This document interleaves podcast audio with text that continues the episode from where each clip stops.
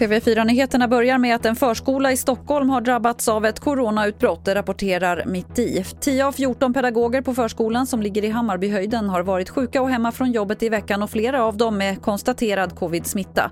Förskolan har inte stängts men föräldrar uppmanas att hålla sina barn hemma ska vi berätta att hovrätten ändrar domen mot 17-åriga Vilma Anderssons mördare.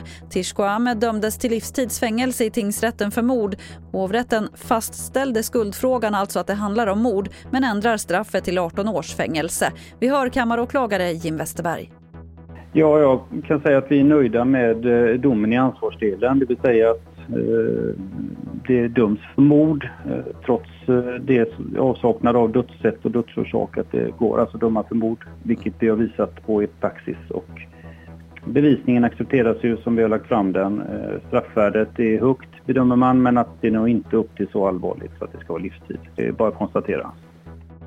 Och mer om det här finns på tv4play.se.